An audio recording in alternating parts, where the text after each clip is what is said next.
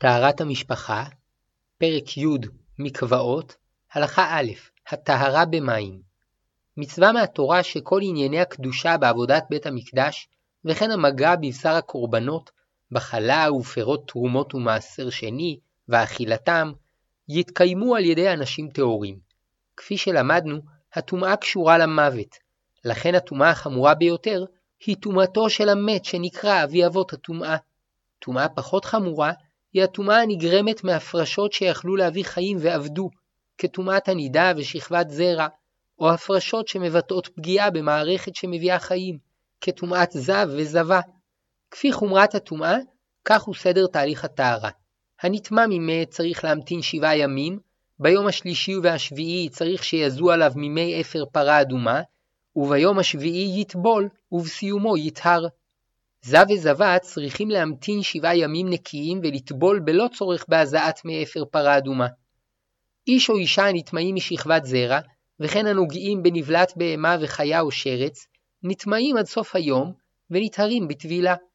דיני הטהרות מרובים מאוד, וסדר שלם מתוך שישה סדרי משנה מוקדש להם.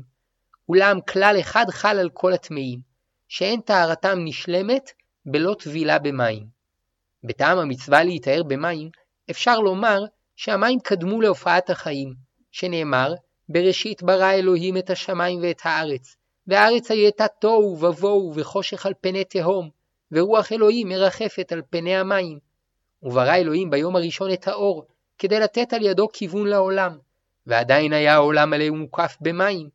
ביום השני, ויאמר אלוהים, יהי רקיע בתוך המים, ויהי מבדיל בין מים למים. ויעש אלוהים את הרקיע, ויבדל בין המים אשר מתחת לרקיע, ובין המים אשר מעל לרקיע, ויהי כן. ועדיין הייתה הארץ כולה מוצפת מים. ביום השלישי, ויאמר אלוהים, ייקבעו המים מתחת השמיים אל מקום אחד, ותראה היבשה, ויהי כן. ויקרא אלוהים ליבשה ארץ, ולמקווה המים קרא ימים. וירא אלוהים כי טוב. הרי שהמים הם היסוד שממנו התחילו החיים בעולם, והטמא שהתרחק משורש החיים, חוזר וטובל כולו במים, ומתוך כך חוזר לשורש חיותו, וכמו נברא מחדש ונטהר. לאחר שנחרב בית המקדש וגלו ישראל מעל אדמתם, בטלה הטהרה מישראל. אולם טהרה חשובה ומקודשת עוד נותרה לנו, והיא טהרה מטומאת נידה, מפני שטומאת נידה אינה נוגעת רק לכניסה למקדש ולאכילת טהרות, אלא גם לקרבה שבין בני הזוג. אכן בזוגיות המקודשת שבין איש לאשתו, נותרה תמצית הטהרה והקדושה בישראל. וכפי שאמר רבי עקיבא, על איש ואישה שזכו לחיות בנאמנות, שהשכינה שורה ביניהם, כי שורש האהבה, החיים והאחדות שבין איש לאשתו, בקודש הקודשים. מפני המעלה הגדולה של קדושת ישראל, ומפני שהמקווה משמש בקביעות ציבור נשים גדול, מנהג ישראל להיעדר לכתחילה בהלכות המקווה, וכאשר אפשר, מחמירים לבנותו באופן שיהיה כשר גם לפי דעות יחידים שלא נפסקו להלכה. אמנם כאשר ההחמרה תגרום לכך שיתקשו להקים מקווה, אין להחמיר. קל וחומר שאין להחמיר בחומרות חדשות, שיש בהן משום הוצאת לעז על הטובלות בעבר. לגודל חשיבות המקווה, חובה על כל קהילה לבנות מקווה. כמו כן, מצווה לבנות מקווה שיהיה נאה, נקי ונעים ביותר. טהרת המשפחה, פרק י' מקוואות, הלכה ב' מים טהורים בקרקע. טהרת אדם מטומאתו נעשית על ידי טבילת כל הגוף כאחד במים טהורים שמכונסים בקרקע, כלומר במי תהום שנבעו ממעיין, או במי גשמים שנקבו בקרקע, שכל זמן שהם בקרקע כדרך טבעם, הם טהורים, ואינם יכולים לקבל טומאה, שנאמר, אך מעיין ובור מקווה מים יהיה טהור.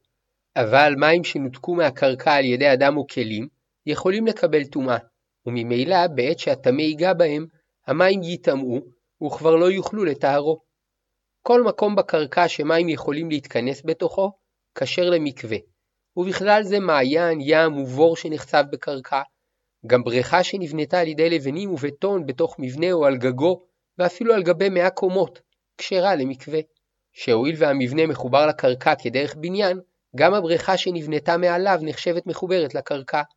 אבל מים שנאגרו בתוך כלי, אפילו היה הכלי ענק, כמו בריכת פלסטיק או ספינה, יכולים לקבל טומאה, הואיל ואינם מכונסים במקום שמחובר לקרקע, וממילא הם פסולים למקווה.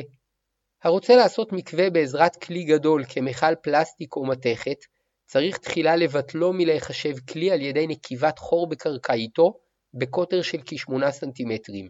בנוסף, עליו לחבר את הכלי הנקוב לקרקע על ידי בטון וכדומה, או על ידי הכנסתו לחפירה עמוקה בקרקע. לאחר חיבור הכלי הנקוב לקרקע, הנקב נסתם בקרקע ואפשר להוסיף לאוטמו בכל חומר. כאשר בונים מקווה, אפשר להיעזר בברזלים לחיזוק הבטון, למרות שבתנאים מסוימים הם יכולים לקבל טומאה, מפני שכל מה שמחובר לקרקע ואינו כלי, בטל הקרקע. בנוסף לכך שמי המקווה צריכים להיות מכונסים בקרקע, הם צריכים לעמוד בשלושה כללים א', שלא יהיו שאובים בכלים, ב', שלא תהיה הווייתם, יצירתם, על ידי אדם אלא בכוחות הטבע, ג', שלא יתקיימו על ידי דבר שמקבל טומאה. טהרת המשפחה, פרק י', הלכה ג', שיעור מי המקווה, 40 שאה. למדו חכמים מפסוקי התורה שמי המקווה צריכים להיות כשיעור שאדם יכול לטבול בהם את כל גופו כאחד, ולא איבר אחר איבר. לשם כך צריך שיהיו בשיעור של אמה על אמה בגובה שלוש אמות, שכן קומת אדם רגיל בלא ראשו כשלוש אמות, וכשהוא טובל, המים צפים ועולים, והטובל מתכופף מעט, וכך ראשו נכנס לתוך המים. נפח שיעור זה הוא 40 שאה. גם אדם שגופו קטן, וביכולתו לטבול את גופו בשיעור קטן מזה, אינו יכול להיטהר במקווה שאין בו 40 שאה. מפני שרק מקווה שראוי לטהר את כלל בני האדם, כשר. אפילו היה המקווה חסר כלשהו מ-40 שאה, פסול. לפיכך, אם היה המקווה בדיוק בשיעור של 40 שאה, וטבל בו אדם ונטהר, כיוון שעלה מהטבילה עם הטיפות שעליו, כבר אין במקווה שיעור 40 שאה, והוא נפסל. בדורות האחרונים התעורר ספק בשיעורי חכמים, וממילא בשיעור 40 שאה. לדעה העיקרית, שיעור המקווה כ-310 ליטר, ויש אומרים לפחות 455 ליטר, ויש אומרים כ-650 ליטר. אמנם בפועל, כדי לצאת מכל ספק וכדי שיהיה נוח לטבול, נוהגים להכין לכתחילה מקוואות שמכילים לפחות אלף ליטר, קוב. גם כאשר נאלצים להכין מקווה בשיעור מצומצם, מתרחקים ככל האפשר מהשיעור הנמוך, כדי להתרחק מהספק. אף ששיעור המקווה נקבע על פי שיעור אמה על אמה בגובה שלוש אמות, אין חובה שכך תהיה צורתו. זה הכלל, כל שיש בו 40 שאה מים, ובפועל הטובל יכול לטבול בו את כל גופו כאחד, כשר. אמנם לכתחילה, יש לבנות את המקווה בצורה הנוחה לטבילה. רק מים כשרים למקווה, אבל שאר המשקים, כיין, שמן וחלב, פסולים למקווה. ואף אם היה המקווה חסר קורטוב מים, אין אפשרות להשלימו ביין, שמן או חלב. טהרת המשפחה, פרק י', הלכה ד', בין מעיין למקווה. שני סוגים של כינוסי מים בקרקע ישנם. א', מעיין שמקורו במי תהום, היינו במים הנובעים מהקרקע. ב. בור שבו נקבים מי הגשמים, הנקרא מקווה, שנאמר, אך מעיין ובור מקווה מים יהיה טהור. מי מעיין כשרים לטבילה גם בעת שהם זורמים, אולם מי מקווה כשרים רק באשבורן, היינו בעת שהם עומדים במקומם, משום שהמים כשרים כדרך שהם מתקיימים במצבם הטבעי. מי גשמים יורדים מהשמיים, וכל עוד הם זורמים, מצבם ארעי ולא קבוע, ורק כאשר ייקבעו למקום אחד, הם מתקיימים ואפשר להשתמש בהם. לעומת זאת, המעיין תמיד נובע וזורם, וכיוון שכך הוא טבעו ודרך שימושו, גם בעת שמימיו זורמים הוא כשר לטבילה. מעיין שנפל לתוכו משקה אחר כדוגמת יין אדום, למרות ששינה את מראה המים, כיוון שמי המעיין נחשבים מים חיים, המעיין כשר לטבילה. אולם מקווה שנפל לתוכו יין אדום ששינה את מראה המים, כיוון שצבע המקווה השתנה מחמת משקה שאינו מים, המקווה נפסל. אמנם כיוון שהיו במקווה כבר 40 שאה מים כשרים, אפשר להוסיף עליהם עוד מים שאובים עד שיחזור מראה המקווה למראה מים, ויהיה כשר. ואם מראה המקווה השתנה מחמת התיישנות המים, או בעקבות ששטפו בו כלים, המקווה נותר כשר.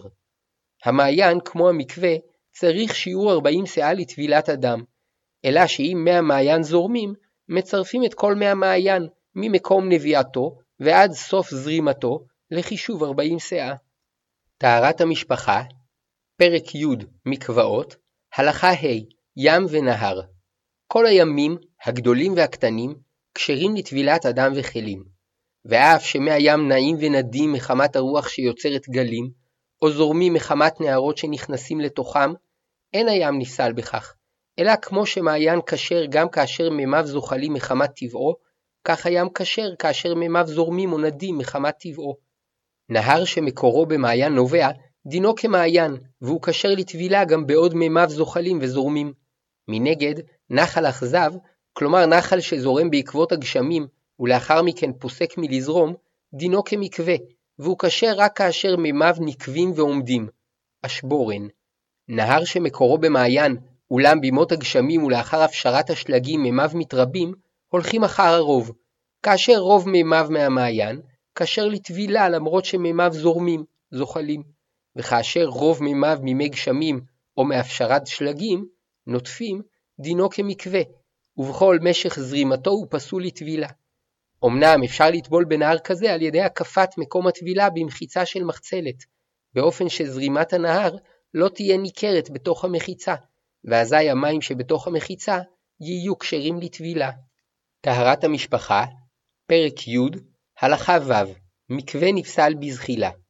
כפי שלמדנו, מקווה הוא כינוס מים שמקורו במי גשמים, ואם מימיו זוחלים, זורמים, נפסל מלשמש מקווה.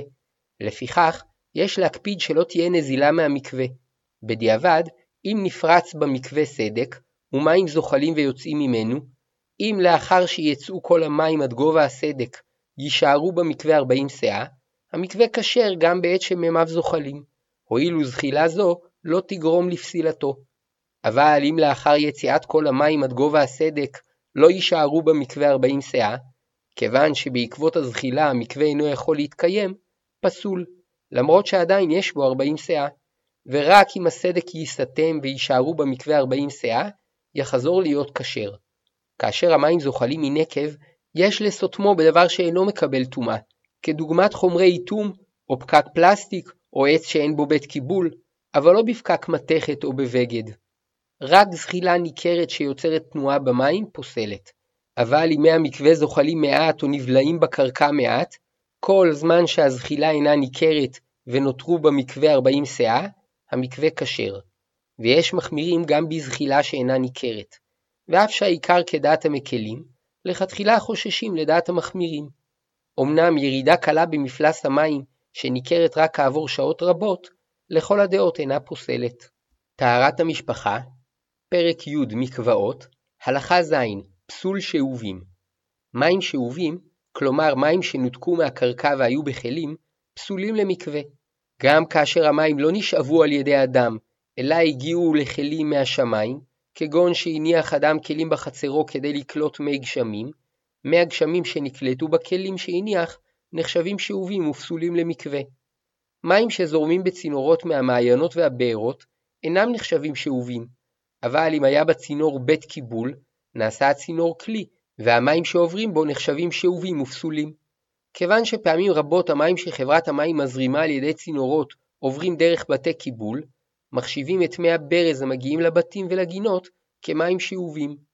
לא זו בלבד שמים שאובים פסולים למקווה, אלא שאם כמות של שלושה לוגים, כ-900 מיליליטר, מים שאובים, תיכנס לתוך מי גשמים שאין בהם שיעור 40 סאה, כל מי הגשמים הכשרים ייפסלו. גם כאשר שלושת הלוגים של המים השאובים נפלו לתוך מי גשמים בלא כוונה, כל מי הגשמים הכשרים נפסלו. ואף אם יוסיפו עליהם עוד 40 סאה מים כשרים, המקווה יישאר פסול. הפתרון, לרוקן את המקווה מכל מימיו, ולהמתין שיתמלא שוב ממי גשמים.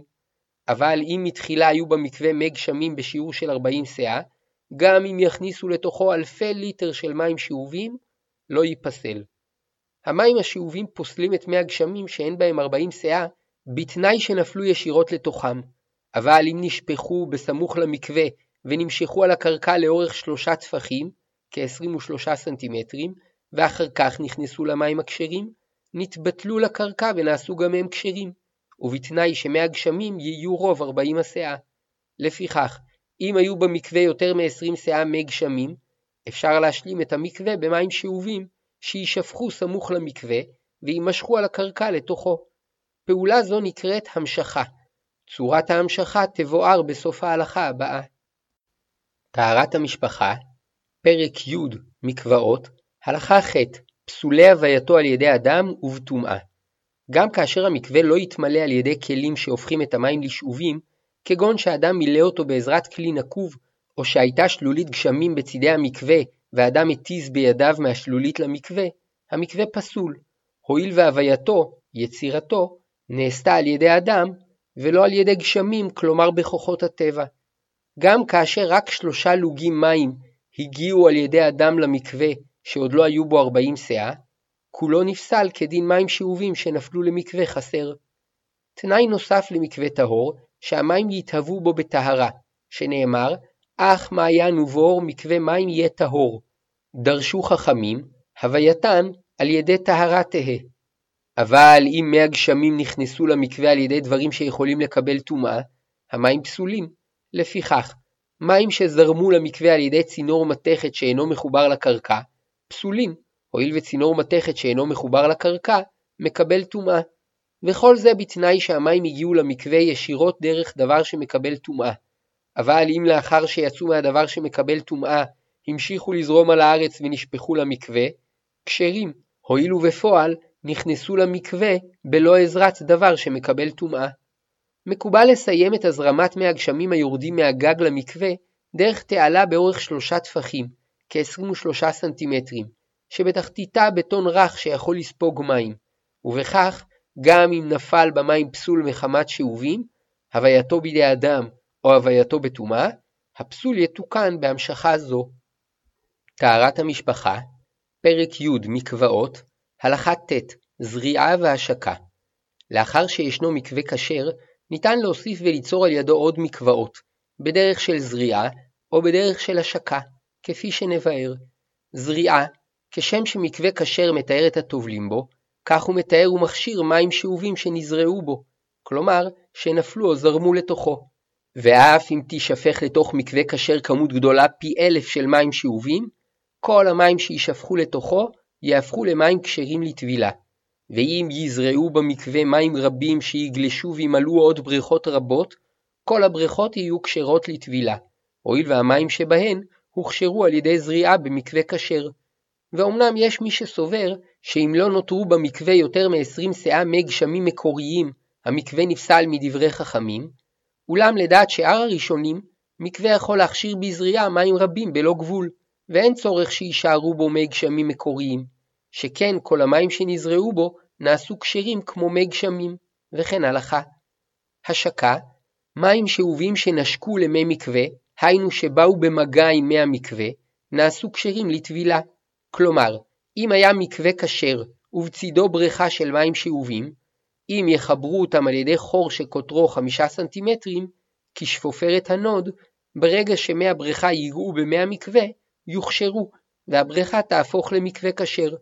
ואף אם יסתמו לאחר מכן את החור שבין המקווה לבריכה, המים שבבריכה כבר הפכו למקווה כשר ושוב לא ייפסלו.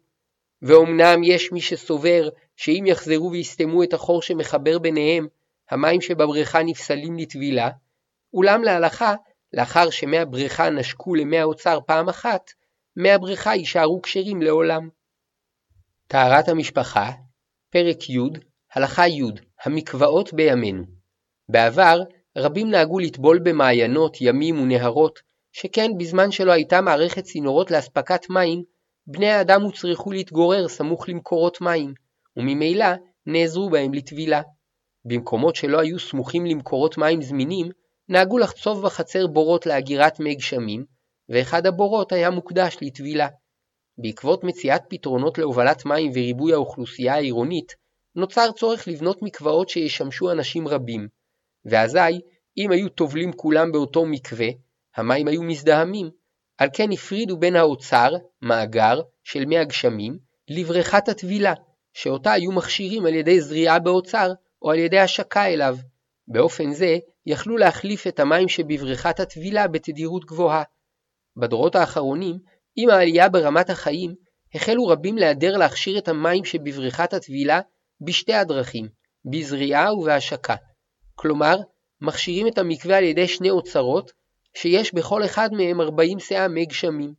א', אוצר זריעה, לתוכו מזרימים מי ברז וממנו המים גולשים בהמשכה לתוך בריכת הטבילה. ב. אוצר השקה, אליו משיקים את בריכת הטבילה דרך נקב שקוטרו לפחות חמישה סנטימטרים. בעת הטבילה פותחים את הנקב, וכשאין טובלים, סוגרים אותו, כדי שהמים שבאוצר ההשקה לא יתלכלכו מהמים שטבלו בהם. אמנם גם אם בעת הטבילה הנקב המחבר את בריכת הטבילה לאוצר ההשקה היה סגור, הטבילה כשרה, שכן פתיחת הנקב היא הידור. טהרת המשפחה, פרק י', הלכה י"א, מקווה מקרח ושלג שהופשרו. כפי שלמדנו, שאיבה פוסלת מים, אבל אם המים יתגבשו ונעשו שלג או ברד או קרח, אין בהם פסול שאיבה, שגם אם יכניסום לתוך כלי, כיוון שהם יכולים לעמוד בלעדיו, אין הם נחשבים בכך שאובים, ואינם נפסלים למקווה. יתר על כן, גם מים שאובים שכבר נפסלו מלעשות בהם מקווה, אם יקפאו ויהפכו להיות קרח, יפקע מהם פסול שאובים, ולאחר שיופשרו, יחזרו להיות מים כשרים למקווה. לפיכך, כאשר יש צורך לעשות מקווה בימות הקיץ, במקום להמתין עד שיגיעו הגשמים שימלאו את האוצר, אפשר למלא אותו במים שהופשרו מקרח. וכך עושים. מקפיאים מים בחדר הקפאה והופכים אותם לגושי קרח. מובילים את גושי הקרח על משטחים של עץ שאינם כלי, ומניחים את גושי הקרח להפשרה סמוך למקווה, כדי שהמים שיצאו מהקרח יימשכו על גבי הקרקע וייכנסו למקווה. אמנם יש מפקפקים בכך מחמת שחוששים לשיטות יחידים שונות, ולכן לכתחילה יש להעדיף לעשות מקווה על ידי מי גשמים, אולם בשעת הצורך אפשר להכין מקווה על ידי הבאת גושי קרח. טהרת המשפחה, פרק י' מקוואות, הלכה י"ב דין המים הזורמים בצינורות לבתים. המים שזורמים במערכת הצינורות הפרוסה בכל רחבי הארץ, מקורם בדרך כלל במים כשרים למקווה. בעבר הם הגיעו ממי גשמים שנקבו באגמים, במי תהום ובמעיינות. לימים החלו לתאר קולחים, וכיוון שבסיום תהליך הטיהור המים נספגים באדמה ומתחברים למי התהום, הם הופכים לכשרים. כיום, רוב המים המוזרמים בצינורות במדינת ישראל הם מי ים מותפלים, ואף הם כעיקרון כשרים למקווה, הואיל והגיעו מהים. השאלה, האם ניתן לעשות מקווה מהמים שזרמו במערכת הצינורות? הדין תלוי בשאלה, האם יש בהם בית קיבול, שאם יש בצינורות בית קיבול, כדוגמת מקום לאגירת פסולת, המים שזורמים בהם נפסלים, כדין מים שאובים. למעשה, נוהגים להחשיב את המים שחברת המים מזרימה בצינורות לבתים ולגינות כמים שאובים, מפני שפעמים רבות הם עוברים דרך בית קיבול, כדוגמת בית הקיבול שעושים לצורך הנחת המשאבה, או מונע מים, או לצורך הפרדת פסולת ומלחים. קל וחומר כאשר הם עוברים דרך מכלים שעל מגדלי מים או לידם, או כאשר הם עוברים דרך דודים לאגירת מים, או דודי חימום שעל הגגות. ואף שמחברים את הצינורות עם בית הקיבול לקרקע, כיוון שהיה בהם בית קיבול לפני חיבורם לקרקע, גם לאחר חיבורם לקרקע הם עדיין נחשבים כלים, וממילא המים העוברים בהם נחשבים שאובים. טהרת המשפחה, פרק י', הלכה י"ג, התחדשות הטהרה בישראל. בעקבות החטא דבקה באדם הטומאה, שאוטמת את ליבו ופוגעת ביכולתו לקשר את מחשבותיו, מעשיו ורגשותיו אל מקור חייו, וכיוון שהקשר שלו להשם נפגם, דבק בו המוות.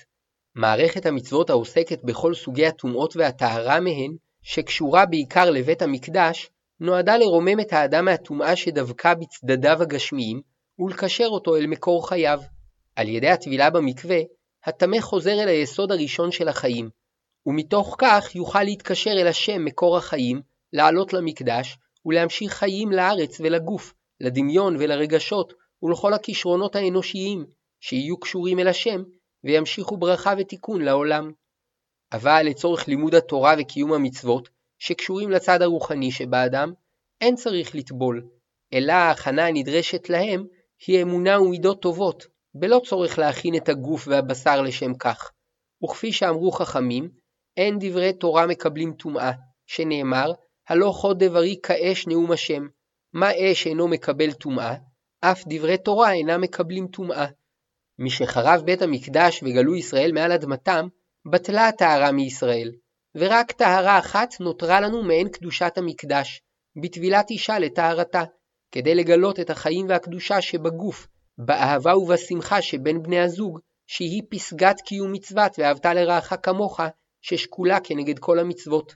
שכן עיקר מגמת הטבילה והטהרה, לתאר את החיים הממשיים, עם הגוף והבשר, הדמיון והרגש, כדי שיוכלו להתקשר אל מקור החיים ולהתעצם בלא גבול. יהי רצון שמתוך חזרתנו לארצנו נזכה להתגדל בתורת ארץ ישראל והדרכתה לתיקון העולם, ומתוך הטהרה והשמחה שבחיבור האיש והאישה, תתפשט ברכה לכל תחומי החיים, ונזכה לבניין בית המקדש השלישי. ומקודש הקודשים תימשך טהרת האמונה הישראלית לכל העולם, כדי לטהר את כל האמונות שמתגלות בחיים הגשמיים על כל מרכיביהם. וכפי שאמרו חכמים, מעיין היוצא מבית קודשי הקודשים, בתחילה דומה לקרני חגבים, דק מאוד. כיוון שהגיע לפתח היכל, נעשה כחוט של שתי. כיוון שהגיע לאולם, נעשה כחוט של ערב. כיוון שהגיע אל פתח עזרה, נעשה כפי פח קטן. המשך זרימתו מבואר בנבואת יחזקאל, והנה מים יוצאים מתחת מפתן הבית, וממי הנחל ילכו וירבו, לאחר שיתרחקו אלף אמה, יגיעו לקרסולי אדם, ולאחר עוד אלף אמה, יגיעו לברכיים, ולאחר עוד אלף אמה, יגיעו למותניים, ואחר עוד אלף אמה כבר לא יוכל אדם לעבור בהם, וכך ימשיכו להתגבר ולהתעצם. והנה אל שפת הנחל עץ רב מאוד מזה ומזה, ובאו הימה אל הים המוצאים, ים המלח הוא ים המוות, ונרפו המים, והיה כל נפש חיה אשר ישרוץ אל כל אשר יבוא שם נחליים, יחיה, והיה הדגה רבה מאוד, כי באו שם המים האלה וירפאו, וחי כל בשר אשר יבוא שם הנחל, ועל הנחל יעלה על שפתו מזה ומזה כל עץ מאכל, לא ייבול עלהו, ולא ייתום פריו, לחודשיו יבקר, כי מימיו מן המקדש הם היוצאים, והיה פריו למאכל, ועלהו לתרופה. כלומר, כיוון שנזכה להיטהר מהטומאה ולהתקשר במלוא כוחות החיים אל השם, המקום שבו חטאו אנשי סדום בתאוות ממון וכל שאר תאוותיהם הגשמיות עד שנהפך למקום מוות, יחזור לחיים, והדגה שבו תרבה, וסביבו יצמחו עצים נפלאים נושאי פירות כל השנה, מפני שבכל חודש יצמחו פירות חדשים, והעלים שלהם יהיו עלי מרפא. וכן בנבואת יואל, והיה ביום ההוא יטפו ההרים עסיס, והגבעות תלכנה חלב, וכל אפיקי יהודה ילכו מים, ומעיין מבית השם יצא, וישקע את נחל השיטים. נחל השיטים רומז לחטא תאוות הזנות, שנאמר, וישב ישראל בשיטים, ויחל העם לזנות אל בנות מואב. והמעיין שיצא מבית השם, יתאר ויתקן גם את התאווה הזו, שתהפוך לתשוקה של אהבה בין איש לאשתו, ולכל הדברים שבקדושה, ועל ידי כך תרבה הברכה בכל הארץ. אולם המעיין היוצא מהמקדש יטהר וירפא לא רק את ים המלח, אלא כפי שנרמז בנבואת יחזקאל ומפורש בנבואת זכריה, חציו יפנה לים התיכון, ועל ידי כך תיווצר השקה בין המעיין היוצא מהמקדש דרך הים התיכון לאוקיינוס שמקיף את כל היבשות, שמתוך מגעם במעיין היוצא מהמקדש, יתארו ויתקדשו כל המים שבעולם.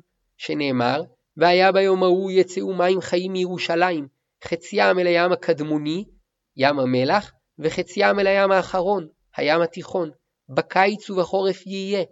והיה השם למלך על כל הארץ, ביום ההוא יהיה השם אחד ושמו אחד. וטומאת הנידה תתבטל, וכפי שאמרו חכמים, אין איסור גדול מן הנידה, שהאישה רואה דם והסרה הקדוש ברוך הוא לבעלה, ולעתיד לבוא הוא מתירה, שנאמר, ואת רוח הטומאה אעביר מן הארץ, ואף טומאת המוות תעבור מהעולם.